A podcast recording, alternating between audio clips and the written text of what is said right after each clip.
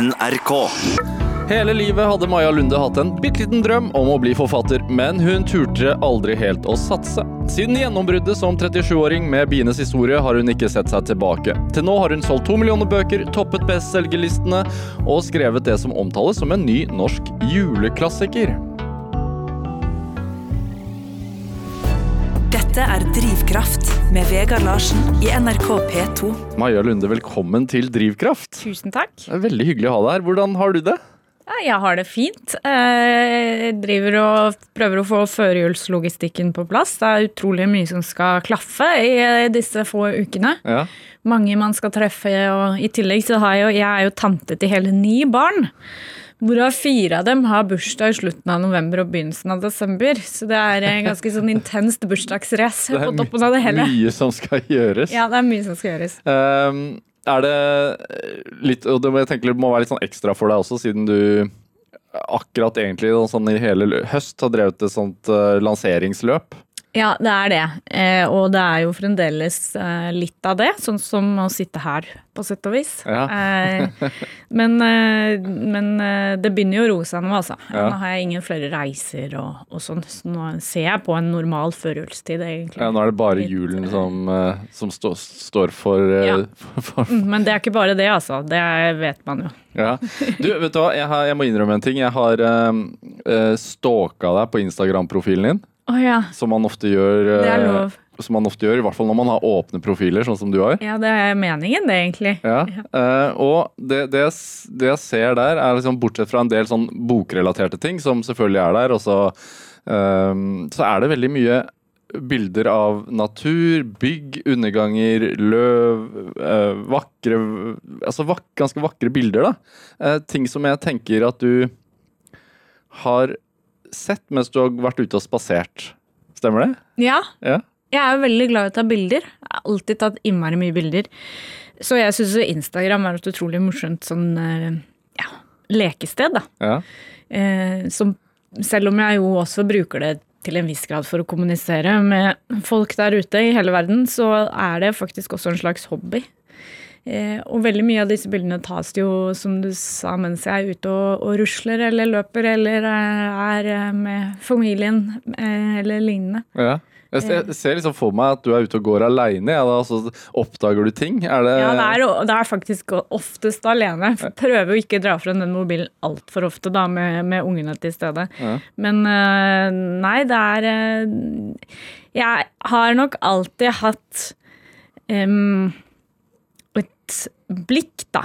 Jeg har vel alltid vært opptatt av det visuelle, og jeg var jo veldig sånn og er jo fremdeles altså en film- og TV-nerd, og har jo filmutdannelse, og var veldig tidlig for meg eh, Det var tidlig klart at det, at det visuelle var veldig viktig.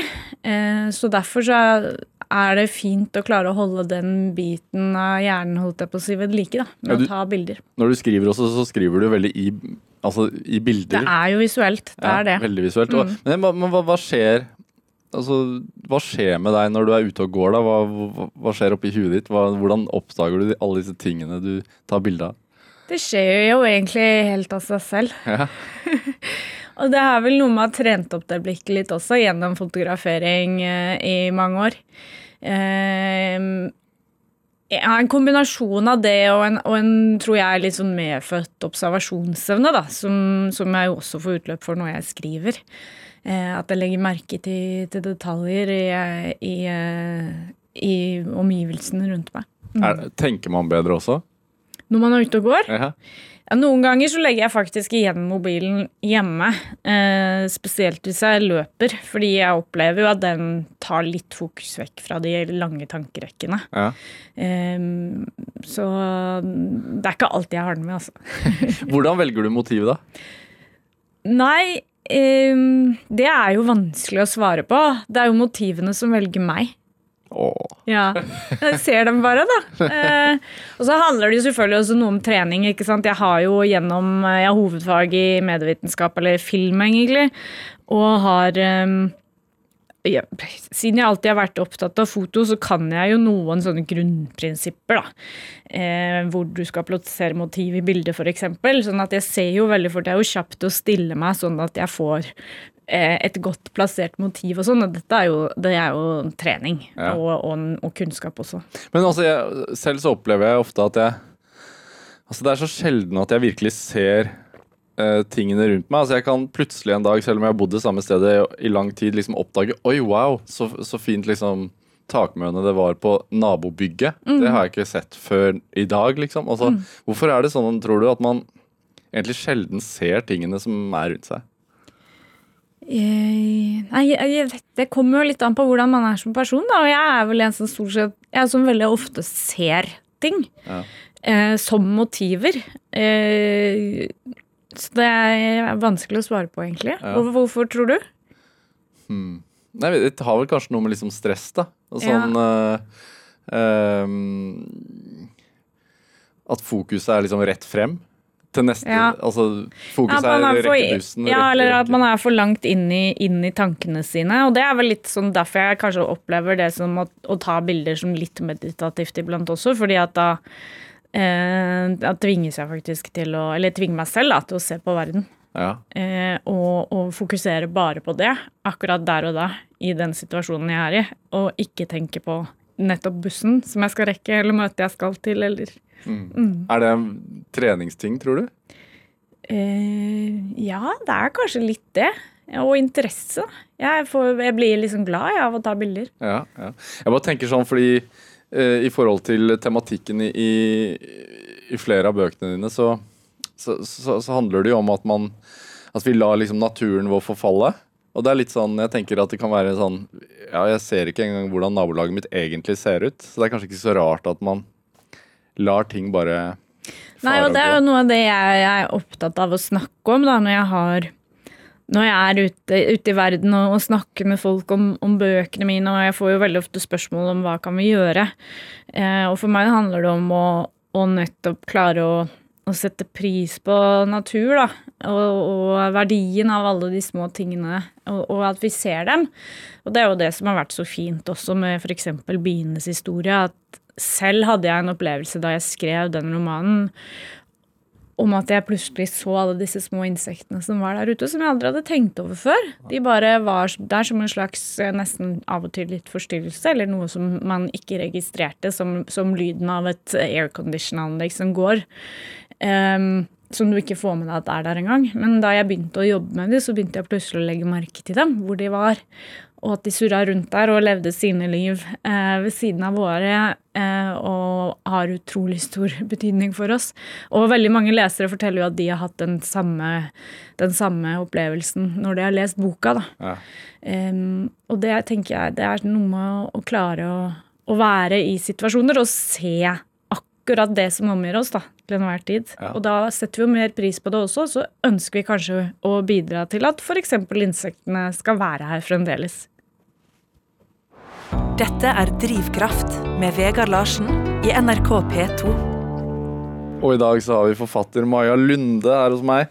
Eh, du er egentlig litt, sånn tilbake på gamle trakter i dag, Uh, holdt jeg på å si. Altså, fordi alle kjenner deg som forfatter i dag, men, men i dag så sitter du på eh, NRK. uh, og du jobba jo en stund i NRK Super, Ja. altså barne-TV. mhm. Du skrev barne-TV. Jeg skrev Barnas supershow. Ja. To sesonger jobbet jeg med Barnas supershow.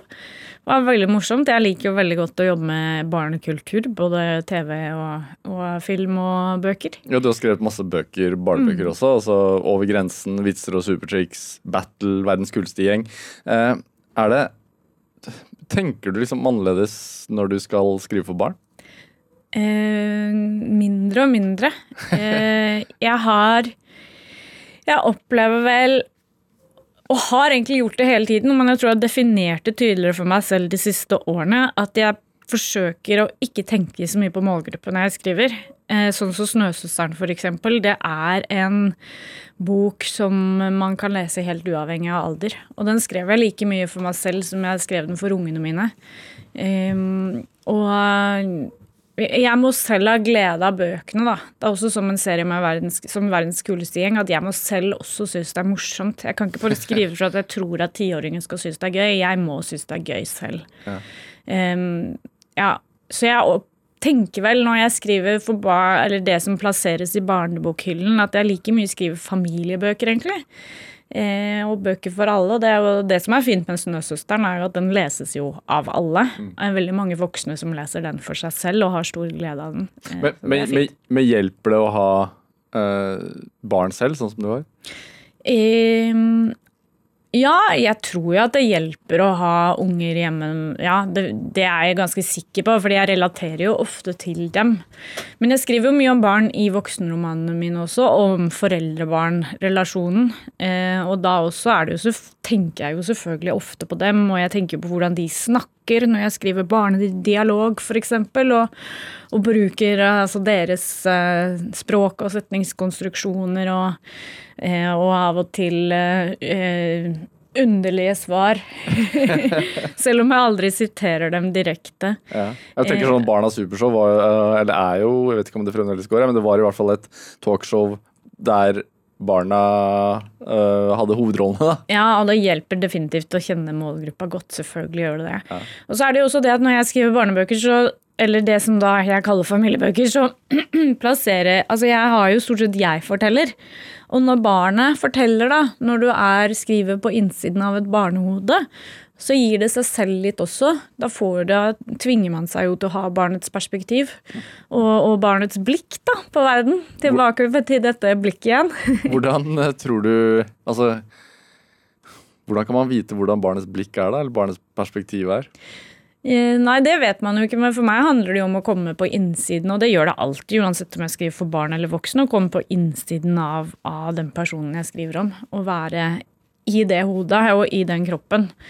Eh, og kjenne etter. Hvordan har man det emosjonelt? Hvordan har man det fysisk i situasjonen? Prøve å være til stede mest mulig, da. Eh, og da er det jo dette ytreblikket som jeg har på omgivelsene når jeg tar bilder, f.eks., som jeg jo vender innover i den situasjonen og prøver å gjøre den så levende som jeg kan for meg selv. Eh, og forhåpentligvis så blir den litt levende for leseren også. Men går du litt tilbake til deg selv som barn?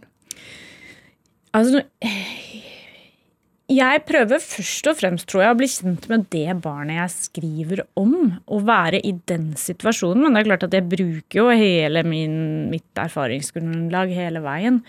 Og veldig mye av det jeg skriver, er jo også Det har jo startet jo i barndommen, og inspirasjonskildene kom jo til meg som barn. Altså Astrid Lindgren for eksempel, er jo kjempeviktig for meg. Hvordan var du som barn, da? Ja, nei, det ja, Hvordan var jeg? Altså, mamma er psykolog. Og hun um, Er det, er det en god ting? Ja da. Vært, og pappa er klinisk pedagog, en slags barnepsykolog, så jeg har jo virkelig ja, uh, har det med meg. Eh, menneskeinteressen har jeg vel hjemmefra. Men jeg, eh, mamma eh, tok utdanning da jeg var liten, og da har hun fortalt at hun hadde en, en sånn studiekompis på besøk, og de satt og så på meg, og jeg var ganske liten. Og drev og lekte frem og tilbake og styrte med noen greier. Og så sa denne eh, kompisen sa da at hun der Han bare satt og studerte meg og så på meg. Hun der er altfor travel til å noen gang bli deprimert. Det var en ganske god analyse, tror jeg. Ja. Fordi at jeg har nok alltid vært en ganske geskjeftig person. eh, Med mye prosjekter. Eh, Da jeg var liten, så var jo de prosjektene gjerne knyttet til rommet mitt. Jeg klarte aldri å ha det ryddig, for jeg hadde alltid så utrolig mye prosjekter eh, rundt omkring. Men også veldig mye inni mitt eget hode. Hadde veldig mye fantasi, var veldig opptatt av fantasilek. Veldig flink til å underholde meg selv, som vi sier, men egentlig da veldig glad i å leke, da. Jeg hadde utrolig store universer som jeg forsvant inn i og var lenge. Men når man har eh, psykologforeldre, eh, blir man liksom analysert på en annen måte, tror du? Eh, Jeg har vel tenkt at de først og fremst var foreldre. Måtte du lære tidlig å prate om følelsene dine, f.eks.? Ja, det ble jeg vel ganske god til. Eh, Det tror jeg nok. Men jeg er ikke sikker på om det var først og fremst fordi de var eh, hadde den bakgrunnen de hadde, eller om det var fordi de var ganske gode til å få meg til å snakke. da. Og jeg var et sånt barn som likte å dele òg. Jeg kom liksom hjem, slapp fra meg sekken, og så fortalte jeg absolutt alt som hadde skjedd den dagen. Tror jeg. Hver dag. Men Ble, Hadde et stort formidlingsbehov. som du fremdeles ennå har. Ja. ble du lest for, da? Ja, masse. Jeg ble lest for veldig mye. Hadde selvfølgelig medlemskap i Bokklubbens barn og begynte tidlig å lese selv. Og leste, var sånn skikkelig slukebarn. bøker var viktig. Eh, vi hadde ikke så veldig god råd, men vi hadde veldig store bokhyller. Det betydde mye. Bøker var viktig, da. Men, men det sånn, altså studier viser jo at eh, barn som blir lest for eh, mye, eh, stimuleres med langt flere ord og inntrykk enn barn som ikke blir lest for. Mm. Hvor mye tror du at det faktum at du ble lest en del for, har påvirka fantasien din? Eh, Jeg tror at det at bøker var viktig helt fra starten av, har påvirket meg eh, mye. Eh, Jeg tror ikke man kan undervurdere egentlig det å å um, eksponere barn for bøker, da. Enten de, de eh, blir lest for eller leser selv. Altså, det er ekstremt viktig. Eh, Det har en man vet jo det fra undersøkelser, og det har utrolig mye å si for skoleprestasjoner, for prestasjoner senere i livet. Det har mye å si for empatiutvikling, eh, fantasi. Eh, så ja til boka, altså. Leser du for barna dine, eller har du lest for barna dine? Ja, jeg leser for barna mine. Ja. Ikke eldste, da, men de to på ni og elleve blir lest for Ja. fremdeles. Det, eh, kan du huske første gang du merka at eh, en bok kunne ha stor påvirkningskraft for den som leste den? Altså for meg selv, mener du? Ja, eller for andre? altså sånn I ung alder, da. Jeg husker at faren min leste 'Brødrene Løvehjerte' for meg da jeg var sju eller åtte, og så begynte han å gråte på slutten, og jeg hadde aldri sett han gråte før. Oi. Det husker jeg som eh, veldig sterkt og fint. Eh, nå er det mange foreldre der ute som har fortalt meg at de har latt sine barn se dem gråte for første gang når de har lest 'Snøsøsteren'. Er Utrolig sterkt, da. Få- vite at man har gjort noe av det samme. Men hvordan var det da som syvåring å se faren sin gråte over Nei. en bok? Jeg husker det var veldig rart, og jeg ikke helt skjønte det. eh, Men så syns jeg det var veldig fint likevel. Tror du, tror du det kan ha liksom trigget din lyst til å skrive? Når man er så liten, så er man jo veldig opptatt av at Opptatt av foreldrene sine og det som påvirker de i en eller annen retning. Jeg tror vel egentlig summen av alle de bøkene som jeg fikk lese og ble lest for, har trigget den lysten, da. Ja. Eh, og min egen, i kombinasjon med min egen eh, fantasi og, og lyst til å duk, dykke ned i andre universer. For det var jeg, jeg var jo så, et sånt ekstremt sånn nostalgisk barn. Jeg var, hadde en veldig dragning mot gamle dager, alt som var liksom koselig. Mamelukker og kyser og blomster og altså, Anne fra Bjørkli og Lillehuset på prærien. Og det var, Ma Mamuluk det vet, Mamelukker, sånne lange underbukser som, ja, okay. som med blondekant nederst. Jeg hadde stålkontroll på alle disse tingene. Var kjempefascinert av Lillehuset på prærien med liksom smørkjerning og lønnesirup og Jeg har alltid Ja, det, den biten av det eh, var- ja, jeg var veldig fascinert av alt sånt, og, og også sånne universer som Narnia, da. Eh, hvor jeg kunne liksom forsvinne inn i noe helt annet. inn i klesskapet. Inn i klesskapet. Mm. Men, men likevel så venta du ganske lenge med å Altså, du skrev jo barnebøker, ungdomsromaner, og skrev jo manus, men du ventet ganske lenge før du forsøkte deg som voksenforfatter. Er, det, er du liksom Er du litt forsiktig med å ta sjanser, eller? Ja, jeg Jeg har tenkt en del på det der selv òg. Fordi jeg skrev jo veldig mye som ungdom. Og eh, de tekstene jeg skrev den gangen, er altså forbausende like det jeg skriver i dag. Bare med yngre perspektiv, da. Ehm, og så distanserte jeg meg litt fra den der kreative skrivingen i noen år, men jeg skrev jo veldig mye likevel. Jeg var jo, eh, jobbet jo med barnefilmfestivalen Amandus, jeg skrev jo mye søknader og pressemeldinger og den type ting. Og så var jeg rådgiver hos eh, et konsulentselskap som heter Kulturmeglerne, og der også var det jo ganske mye skrivearbeid. Der pusher man jo andres Man verk. pusher man andre, og så må skrive, skrive veldig mye sånn journalistisk, og skrev også høringsuttalelser og, og ja, mye, det var veldig mye skriving. Jeg husker at jeg hadde et veldig definert forhold til at skrivingen var alltid den delen av arbeidet jeg syntes var gøy. Og så var det jo sju år på Blindern, da. Og jeg elsket jo å skrive alle de oppgavene jeg måtte skrive der. Hoved, jeg elsket å skrive hovedoppgave, det var ingen andre som gjorde det. Eh, De syntes jo jeg var gæren der jeg satt og hamret løs med stor entusiasme, de andre studentene. Så det var der jo hele tiden. Men, eh, men jeg hadde vel aldri helt rom til å liksom ta det videre, da. Og så hadde jeg nok et ganske sånn definert forhold til at jeg skulle ha en ordentlig jobb, og at det å være forfatter egentlig ikke var noe um, var noe skikkelig yrke. Pluss at det, film og TV var veldig viktig for meg hele veien. Så det var jo egentlig det jeg hele tiden styrte meg inn mot. Hva, hvorfor er du så glad i film og TV, da? Ja, det tror jeg nok er den kombinasjonen av historiefortelling eh, og, og det visuelle. Eh, der treffes jo begge de to. Ikke sant? Så det er jo kjempeviktig for meg fremdeles. Jeg sitter jo akkurat nå faktisk og jobber med filmmanus. Så det gjør jeg jo hele tiden. Jeg har ikke sluttet å være manusforfatter. Nei, men men er, du, er du liksom en planlegger? Um, ja, jeg er nok det, altså. Jeg tror jeg er det. Men også tror jeg nok jeg er en som får ting unna. Jeg finner jo Ferdig med syv års skolegang, da, eller universitetsutdannelse, da kan jeg kanskje begynne å skrive Ja, nei, det som skjedde da, var at jeg, da jeg jobbet i Kulturmeglerne eh, som konsulent, så had, da var jeg markeds- og presseansvarlig på en god del norske filmer. Og da leste jeg jo veldig mye manus i jobben. Og så hadde jeg jo lagd mye film og holdt på med mine egne filmprosjekter og sånn under studiene. Eh, og så når jeg da tok opp igjen og gikk inn i disse manusene, så, så ble det ganske fort tydelig for meg at dette Kan jeg gjøre bedre sjøl? Ja, det var dine ord, men Det var det du tenkte, var det ikke det? jeg tenkte i hvert fall at dette kan jeg også. og så satte jeg meg egentlig bare ned og begynte å skrive manus. Ja. Eh, og så fikk jeg støtte, og så søkte jeg permisjon. Det satt skikkelig langt inne, husker jeg.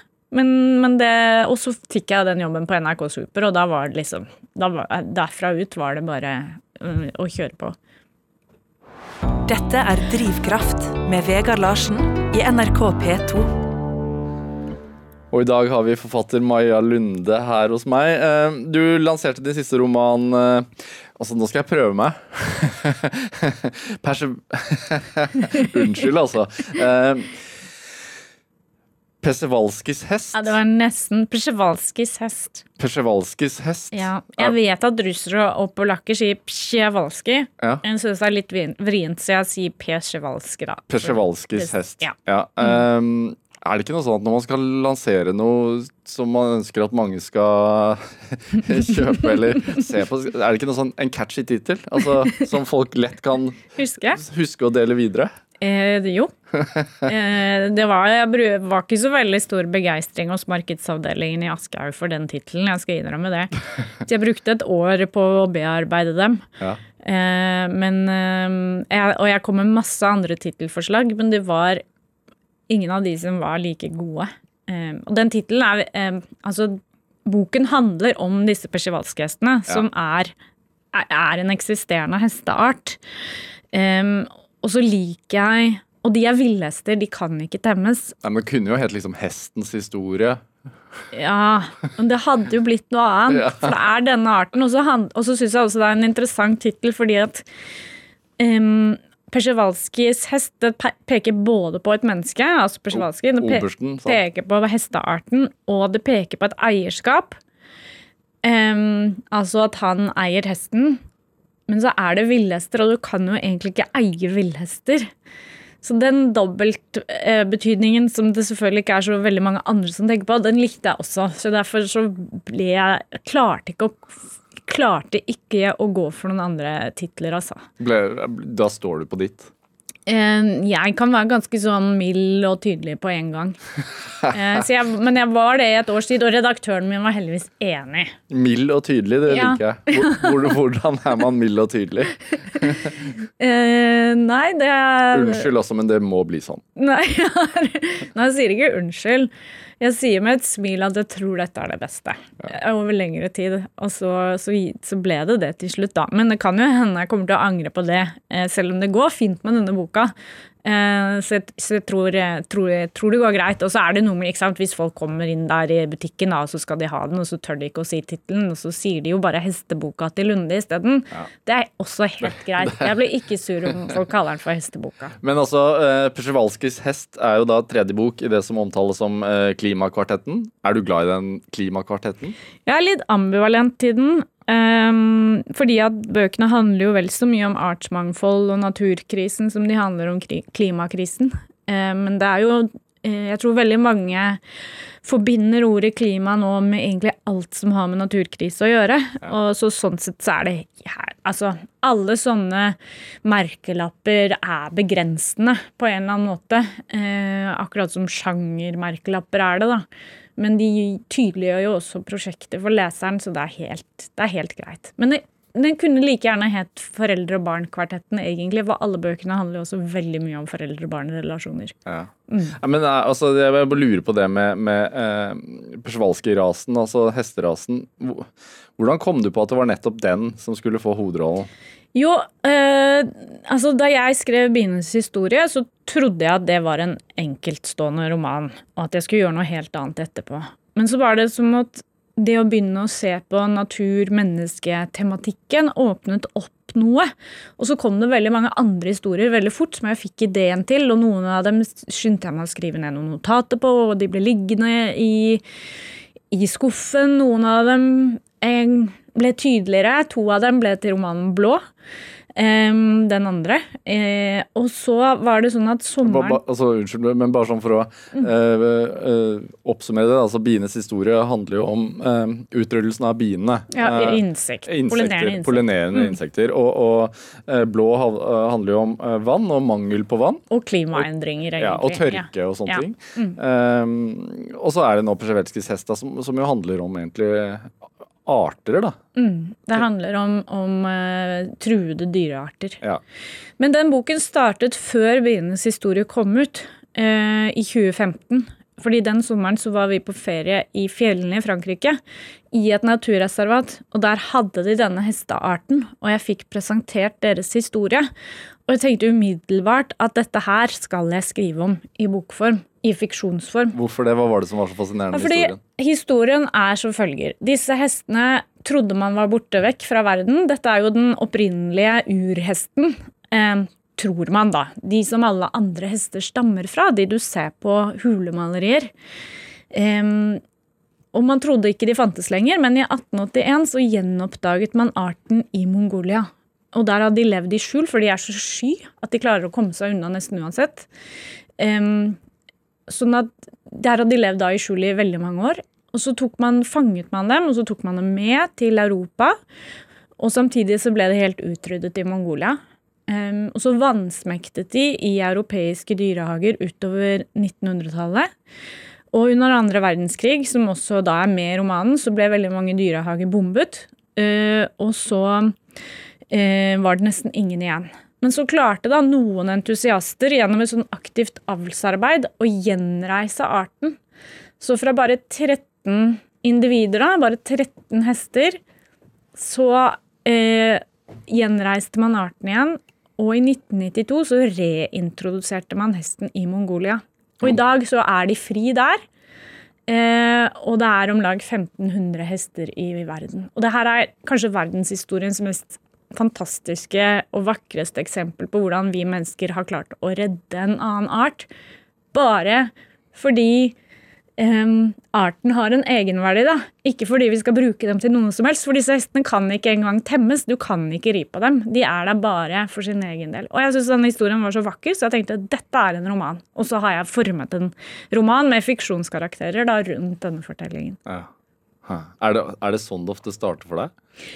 Det starter litt ulikt. Blå eksempel, startet egentlig med to bilder av to forskjellige mennesker som jeg bare hadde i hodet mitt og ble veldig interessert i. Så begynte jeg å forske mer på disse to menneskene, hvem de var, hvor de kom fra. Og så begynte, skjønte jeg etter hvert at deres fortellinger hang sammen, og at begge fortellingene handlet om vann. da. Eh, sånn at, og, og biene startet med at jeg så en dokumentarfilm. Fordi Men det, både Biene og Blå hadde jeg veldig tydelige karakterer, men med Persevalski så var det nok veldig denne hestefortellingen som jeg ble veldig fascinert av. Og drivkraften i de menneskene Ha-ha, drivkraft. Som, eh, som, som eh, har denne, altså denne lidenskapen da, som disse menneskene har, som gjør at de faktisk har lyst Altså vier livet sitt til å redde en annen art. er det Det er veldig fascinerende. Eh, jeg, bare- tenke på Altså, det, det at, altså, da Bienes kom, uh, Bienes historie kom, så, så tenkte jeg at uh, Jeg tenkte litt sånn Ja, endelig så kommer det en bok som tar eh, klima på alvor, altså en, en roman. Mm. fordi jeg følte at den kom til så riktig tid. Og, og, det var det jo veldig mange som tenkte, da, tydeligvis. fordi at den fikk masse oppmerksomhet og, og, og har solgt godt over ja, i mange steder i verden. Men, men, når var det du skjønte at det var liksom klima, det er det jeg må skrive om? Og så var det denne dokumentaren som, som, du nevnte? Som var det den som utløste det, liksom? Ja, det var faktisk uh, det. Og det var en nesten tydelig um, Ikke åpenbaring, akkurat. Husker men, du hvilken dokumentar? Den heter More Than Honey. Det er en nederlandsk dokumentar, mener jeg. Ja, sveitsisk er den. Sveitsisk. Um, nei, det ble, det, altså da hadde jeg en stund drevet og sirklet uh, inn noen andre tekster som aldri jeg fikk helt fot for, som lå ganske nære mitt eget liv, da. Um, og på sett og vis var litt kjedelige, for det livet mitt er ikke så veldig spesielt. uh, og så så jeg den filmen, og så var denne ideen bare ramlet ned i hodet. Og det var fordi at jeg både ble veldig trukket mot temaet og veldig fascinert av bier og bikuber. Um, og hvor avanserte disse små insektene er. Og at jeg så umiddelbart så hvilke tre fortellinger jeg ville skrive. Eh, og hva slags type mennesker jeg kunne ha i denne romanen. Og fikk lyst til å dykke ned i de livene. Så det er jo sånn at jeg drives jo av temaet, men jeg må jo ha disse menneskene sant, som jeg forteller om. Jeg må, må ha eh, karakterer, da, som vi kaller det på filmspråket, eh, for å klare å skrive. Og det, det, er jo alltid menneskehistoriene som driver disse fortellingene. Henter du, de, henter du inspirasjon til eh, karakterene dine fra folk du kjenner og har møtt og sånn? Altså, det gjør jeg jo helt sikkert. Ja. Men jeg baserer aldri noen på noen noen, men med ett unntak, må jeg si. Fordi da jeg skrev Persevalskis hest', eh, så gjorde jeg noe jeg ikke har gjort før.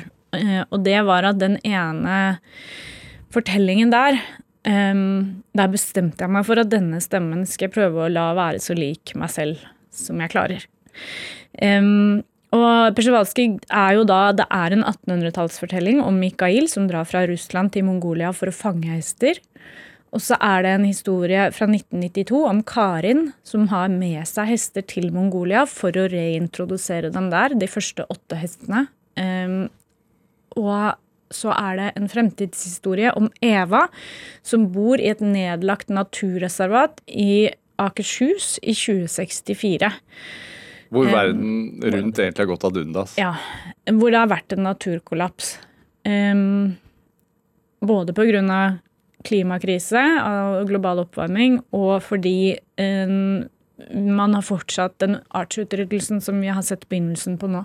Og Skrev du deg selv som Eva, da? eller? Ja, og jeg, det var nettopp det jeg gjorde. Jeg bestemte meg for at Eva skulle være så lik meg som mulig. Hvorfor det?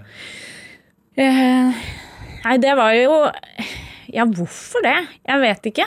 Jeg ønsket vel å forsøke å bare være 100 til stede i den situasjonen. Um, og, og, hele tiden Altså når du hele tiden har tanken 'hva ville jeg ha gjort?' til stede i teksten, da, um, så, så, blir det på sett og vis også enda mer emosjonelt, tror jeg. Så hun har vel av alle Altså det er alltid viktig for meg å prøve å lage et språk som er helt tydelig knyttet til den enkeltpersonen jeg skriver om. Og Eva har vel kanskje av alle disse som jeg har skrevet opp til nå, eh, tydeligst mitt språk. Når det skal sies, hun er mye tøffere enn meg. Hun er mye mer handy. Hun lever på en gård. Jeg hadde sikkert ikke vart én dag, eller overlevd én dag i den verdenen der. Altså, jeg kan ikke slakte dyr eller um, gjøre, og, altså, dyrke jorda. Um, så det, jo, det, var jo også et interess interessant å tenke på, da, at hvor utrolig lite forberedt vi er, og hvor dårlig rigga vi er, på en måte, vi moderne mennesker, for en verden hvor man kanskje må produsere mat selv. Ja, er det, altså Når du også skriver deg selv inn i, i historien, jeg tenker sånn alle De tre bøkene handler, er, altså handlingen er i fortid, samtid og fremtid, og, alle tegner jo, selv om det er, er snev av håp her og der, men alle tegner et ganske mørkt bilde av fremtiden. Er, det, er det sånn du ser det selv? Det er den samme fremtiden jeg skriver om. Ja. Og disse bøkene henger jo sammen. I Blå så ble vi kjent med eh, David og hans lille datter Lou i Frankrike i 2041. Og i Norge i 2064, i Persjewalskijs hest, så knytter jeg bånd til denne fortellingen i Blå. Og, og en av menneskene fra Blå dukker opp igjen. Eh, så da begynner man å se hvordan dette egentlig er et stort puslespill med veldig mange biter. Um, men jeg har jobbet litt forskjellig med disse bøkene, fordi at Bienes historie var mer Fremtidsscenario der var mer basert på et hva hvis. Hva hvis alle insektene, de pollinerende insektene i verden forsvinner? Hvordan blir det da? Mens da jeg jobbet med Blå og persevalski, så jobbet jeg mer med å se på helt konkret hva vet vi vil skje hvis ikke vi stopper klimakrisen og naturkrisen. Hvordan vet vi at verden blir da? Så du har tegnet, du, det du har gjort, er å tegne opp et så troverdig bilde av fremtiden hvis ikke som mulig. Sant? Jeg har egentlig basert Jeg har skildret i romanform um, et scenario som ligger ganske nært på det forskerne sier kan skje. Hvordan er det å, å leve i det samfunnet, da? Nei Siden du har eh, skrevet deg selv inn i, inn i Presjvelskis hest, da. Det er jo Ja, det er vel Jeg opplever jo selv, og jeg vet jo at flere har kommentert det også, at Persevalskis hest kanskje er den mørkeste av disse tre romanene. Fordi at framtiden ikke ser lys ut. Og det var en ganske tung roman å skrive. eh, Og jeg, også fordi at jeg jo, som veldig mange andre, mer og mer opplever at dette, denne redselen for fremtiden er der mer og mer, da. Fordi vi får så mange signaler nå på at vi er skikkelig ille ute, og klimaendringene er her allerede. Og det er etter tørkesommeren 2018, altså bare nå i år, skogbranner i Australia, eller branner i Australia. Koalabjørn kanskje nesten utryddet, Ja, og for for ikke å snakke om Amazonas, ikke sant. Em, og nå en ny rapport fra FN på at vi må kutte klimautslipp med 7,8% i året for å klare å nå Parisavtalen, som alle vet at vi ikke klarer. Ja. Er eh, Det blir tyngre og tyngre, og det merket jeg jo at jeg hadde med meg inn i skrivingen. Em, at jeg blir reddere. Eh, samtidig så var det noe med å skrive akkurat denne fortellingen, da, som i seg selv var så håpefull, som gjorde at jeg føler at det også kanskje er den lyseste av romanene. Men hvor, ja, det, det kan jeg være enig i. Det er iallfall et fnugg av et snev av håp der. Men vi kan når vi vil, da. kan når vi vil. men, men, men, eh, men så er det bare 1500 hester igjen, da. Så det tegner også samtidig. Det er, det er liksom mørk Men det var der, bare Ikke sant? De kommer fra bare 13 stykker, da. Ja, Men, men eh, prater du med barna dine om dette her? Altså, du, du sier jo selv at du er redd. Ja, vi prater om det, og eh, når man snakker med unger om dette, så må man jo på sett og vis være ærlig, for de lever i vår verden, de òg. Og så pålogget som alle er nå 24-7, så er det på en måte ikke Det er ikke noe vits i å prøve å lyve seg unna dette. For de leser jo sine egne nyheter, de. Ehm, men samtidig er det jo viktig å prøve å hele tiden fokusere på eh, at vi kan gjøre noe. Eh, og min opplevelse er alltid at når du handler, så blir du mindre Altså når du selv eh, gjør noe, så hjelper det på denne følelsen av avmakt, da. Er det Hva tenker du må skje, da, før vi liksom våkner ordentlig? Men hadde jeg hatt svar på det, så hadde jeg vel vært politiker politiker, ikke forfatter. Ja. Jeg vet ikke. Jeg opplever jo veldig at når jeg sitter og skriver disse romanene, så er det jo Det er jo starter veldig ofte med spørsmål. Og særlig Persevalskis hest, mer enn de to foregående, han, fordi den også handler om, om, ut, om dyr. Handler veldig mye om menneskedyret. Altså Homo sapiens, da. Hva er det med oss som har gjort at akkurat vi har blitt den arten som regjerer over alle de andre? Og har vi det i oss, i biologien vår, i naturen vår, til å kunne klare å løse dette her? Hva tror du, da? Eh, nei, altså det er, spør du meg på en god eller en dårlig dag. Ja. Eh, Noen dager så tenker jeg at nei, det er, vi er, eh, dette går ikke, fordi vi er styrt av eh, for kortvarige interesser. Politikerne våre lar seg kun motivere av neste valg, ikke av eh, barnebarnas framtid. Um, og, og hver og en av oss har en hang til å ta kortvarige valg som, som eh, er komfortorienterte, istedenfor å, å gjøre litt ubehagelige ting fordi det er lurt på lengre sikt. Ja. Men så har jeg gode dager også. Og da husker jeg på det at menneskedyret, da, vi, grunnen til at vi er der vi er i verdenshistorien og på toppen av denne pyramiden, er at vi er verdensmestere i å kommunisere og um, drive med kunnskapsformidling. At vi er utrolig tilpasningsdyktige, og at vi kan få de utroligste ting til å skje på veldig kort tid når vi vil, og når vi samarbeider. Eh, og disse tingene, som jo er ikke sant? Det er jo noe med at våre styrker er også vår svakhet. Men hvis vi klarer å bruke disse styrkene positivt, da, eh, så, så vet vi at vi får til dette. Har- Tenk har- hvis det var en meteor på vei mot jorda. Ja. Hvordan ville ikke verden samarbeidet da for å prøve å stoppe det? Ja, det er jo det som er handlingen i den tegneserieromanen Watchmen, Ikke sant? eh, for eksempel. Ja. Bare der er det en enorm blekksprut som lander på Manhattan, og da står folk samlet igjen. De Mm. vil ikke lenger krige. Det er nettopp. Eh, men men um, har du opplevd at bøkene dine uh, har påvirka i noen retning? Altså, har du merket det? Uh, ja, masse. Um, og det er jo noe som kan gjøre meg veldig, veldig glad. Uh, alt fra disse små tilbakemeldingene, ikke små, men jeg får ofte lesere som forteller meg at de har startet med bikuber, f.eks. For eksempel, fordi de har lest bienes historie. Jeg har i flere eh, på flere eh, bokkvelder og, og bokbad møtt spesielt unge jenter som har gjort veldig inntrykk, som kommer og nesten altså begynner å gråte og sier at før jeg leste bøkene dine, så var jeg bare opptatt av Jeg var deprimert, jeg hadde, var opptatt av mitt eget utseende. Det eneste jeg var så fulgte med på, var blogger om sminke og lignende. Og så leste jeg boka di, og så klarte jeg å vende blikket utover. Og så begynte jeg å kjempe for klima og natur isteden. Og det det er jo sånn helt utrolig sterke tilbakemeldinger å få, da. Ja. Ja, Um, og så er det jo er det jo sånn at Tyskland, for eksempel, hvor bienes historie var den mest solgte boken av alle bøker i 2017, der har de jo også eh, kommet veldig langt i forhold til det å ta nye lover for å ta vare, bedre vare på insekter, f.eks. Og det skal ikke jeg akkurat ta på meg hele æren for, men at det kanskje har hatt en bitte liten vært en bitte liten del av det med, med bienes historie, da, er jo også fint å tenke på. Dette er Drivkraft med Vegard Larsen i NRK P2.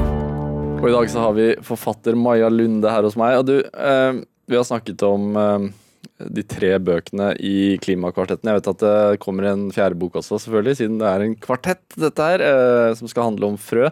Gleder meg til den kommer. Men, men eh, du har jo også skrevet det som omtales som en ny norsk juleklassiker. Eh, boka 'Snøsøsteren' har, den solgte over 200 000 eksemplarer på bare fire uker. eller noe sånt. Det er, det er helt vanvittig. Eh, og, og du har sagt at det, det er en bok som er skrevet til de ungene som gruer seg til jul. Og, hva, hva er ditt forhold til jula? Altså, du nevnte tidligere i, i starten av denne timen her at du er veldig glad i jul, men, men hva er grunnen til at du ville skrive en bok til de som gruer seg til jul? Eh, nei, altså den er egentlig skrevet til både de som gruer seg, og de som elsker jul. Eh, jeg ønsket jo ved den boken å bare ta julens sjel på alvor, tror jeg. Hva er julens sjel? ja, hva er julens sjel? Nei, eh, for meg tilbake til denne nostalgien da, som jeg snakket om i sted. Jeg, var jo, jeg har alltid vært veldig glad i jul. Jeg har hatt foreldre som har vært veldig gode til å lage jul, både hos mamma og pappa. Eh, og eh, lage juletradisjoner og kos rundt jul. Um, og jeg nevnte jo også Astrid Lindgren, som jeg jo syns lager juleskildringer som ikke er Altså, de overgår jo alt. De er jo så nydelige. Sånn at dette er jo noe jeg har tatt med meg inn i, i Snøsøsteren. Og jeg har visst i mange år at jeg hadde veldig lyst til å lage en bok om jul, og en julekalenderbok. Og jeg hadde en idé til et hus, et mystisk hus. Og jeg hadde en idé til en jente som var en blanding av Pippi Langstrømpe og Anne fra Bjørkli, som var to viktige karakterer for meg i mine barndomsfavorittbøker. Um, men så var det jo når jeg satt og begynte å jobbe ordentlig med dette, um, så visste jeg plutselig at det sto veldig tydelig frem for meg at hovedpersonen, Julian, han hadde mistet søsteren sin.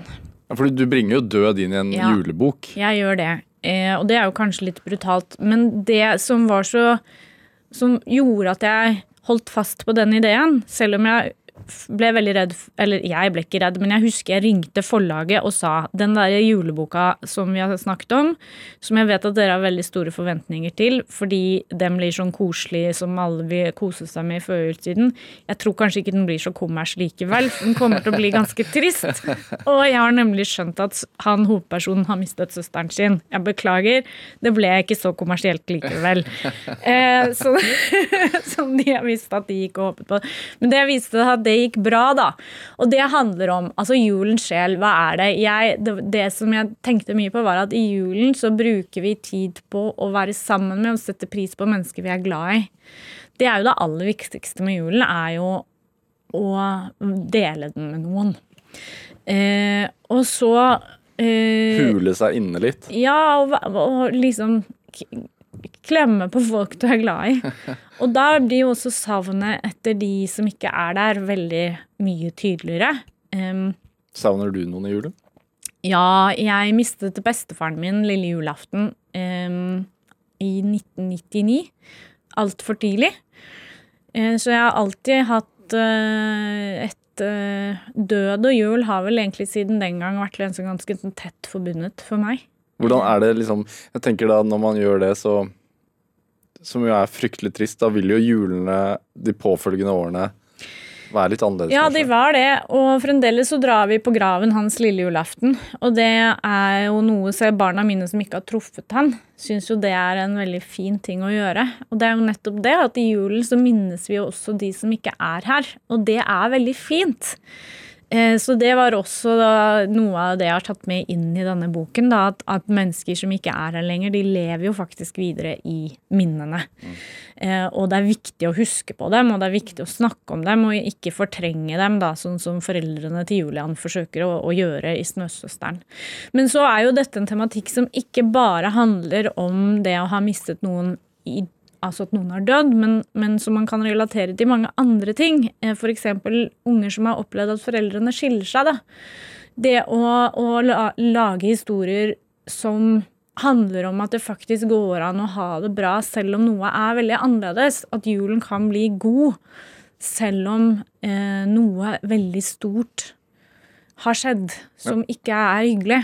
Eh, og at man som barn også kan være em, det er noe med å gi alle de ungene som sitter der ute og føler seg litt sånn maktesløse og kanskje ikke tør å si ifra om at de har noen behov og noen ønsker.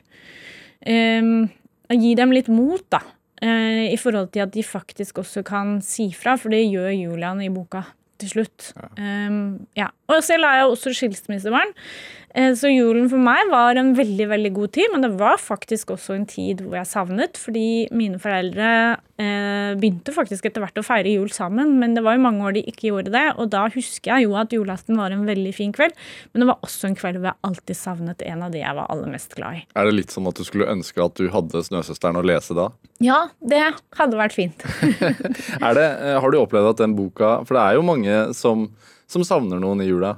Eh, Som har mistet noen, eh, eller har skilte f.eks. Har, har du opplevd at den boka har liksom hjulpet noen? Jeg har fått så utrolig mange tilbakemeldinger på den boka, og jeg får det fremdeles. fordi at nå er jo den skal jo ut i 19 land nå, eller den er kommer ut i 19 land nå, da, i, i, i høst. Um, og jeg får både Lisa Aisato og jeg Som har illustrert? ja, eh, vi får veldig mange meldinger fra folk som har et veldig emosjonelt sterkt forhold til boka. Og i fjor, altså førjulstiden i fjor, var nesten sånn Jeg satt og gråt hver dag. Er det sant? Ja, fordi vi fikk så mange meldinger som var sånn ekstremt sterke, da. Det var sånn kjære Maja, vi mistet det yngste barnet vårt i kreft i fjor.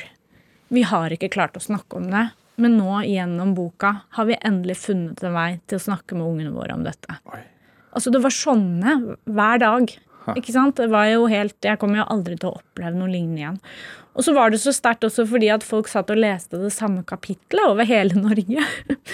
Hver dag. Ja, fordi det er Så det var jo det å følge det i sosiale medier, det var jo helt og da, Jeg kan jo ha, jeg har et veldig ambivalent forhold til sosiale medier, men det var bare så Det var jo en gave. Men hva tenker du da når du får sånne tilbakemeldinger som jeg merker nesten jeg blir rørt av her i studio? eh, at, altså, at skrivingen din kan ha den kraften. Nei, det er jo helt uh, er helt fantastisk. Jeg er verdens heldigste menneske. Ja. Er det? Eh, jeg vet at boka skal bli film i USA. Mm. Hollywood. I Hollywood.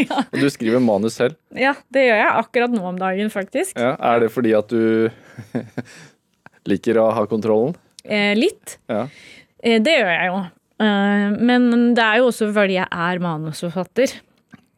Eh, Det samme selskapet, Anonymous Content, er det jo som har kjøpt både Bienes historie til TV-serie og Snøsøsteren eh, filmrett. Bienes historie har jeg sagt nei til å skrive selv, fordi det å skrive TV-serie er så utrolig omfattende. ja. Da kan du nesten ikke gjøre annet. Nei, da gjør du det i mange år, ikke sant? Ja. Mens, mens Snøsøsteren, filmmanus, er en mer avgrenset jobb, da. Eh, sånn at det, pluss at jeg Men er det en ganske stor film det er snakk om? Altså, det er jo, ja, det er jo en spillefilm. Ja, ja, men altså en Ja, og de, De har jo vært veldig, de satser, og han var jo veldig tydelig på at de så for seg budsjettrammer som var langt over hva vi vanligvis opererer med i Norge. ja, Hva snakker vi? Nei, det vet jeg ikke, men jeg, jeg var jo veldig tenkte jo veldig at jeg ville det skulle være en animasjonsfilm for å bevare, altså bruke Lisas strek, da, Mm. Um, inn i et animasjonsunivers. Men han, eh, produsenten, overbeviste meg vel om at, at det var bedre med mennesker, med live action. Fordi at dette er jo en film som i stor grad hviler på følelser, og, og følelser uttrykkes jo gjennom det menneskelige ansikt. Og en animert figur kan aldri matche det menneskelige ansikt. Um, det, det er, fremdeles er ikke animasjonen der, da. Når får vi se den, da? Nei, det vet jeg ikke. Akkurat nå, Jeg driver og fullfører dette manuset nå og skal sende det fra meg nå før jul. Så det blir veldig spennende. Litt sånn eh, nerver i forhold til å skrive for Hollywood, men uh, satser på at det går. eh, Jeg kan jo håndverket tross alt, etter å ha jobbet med dette i mange år.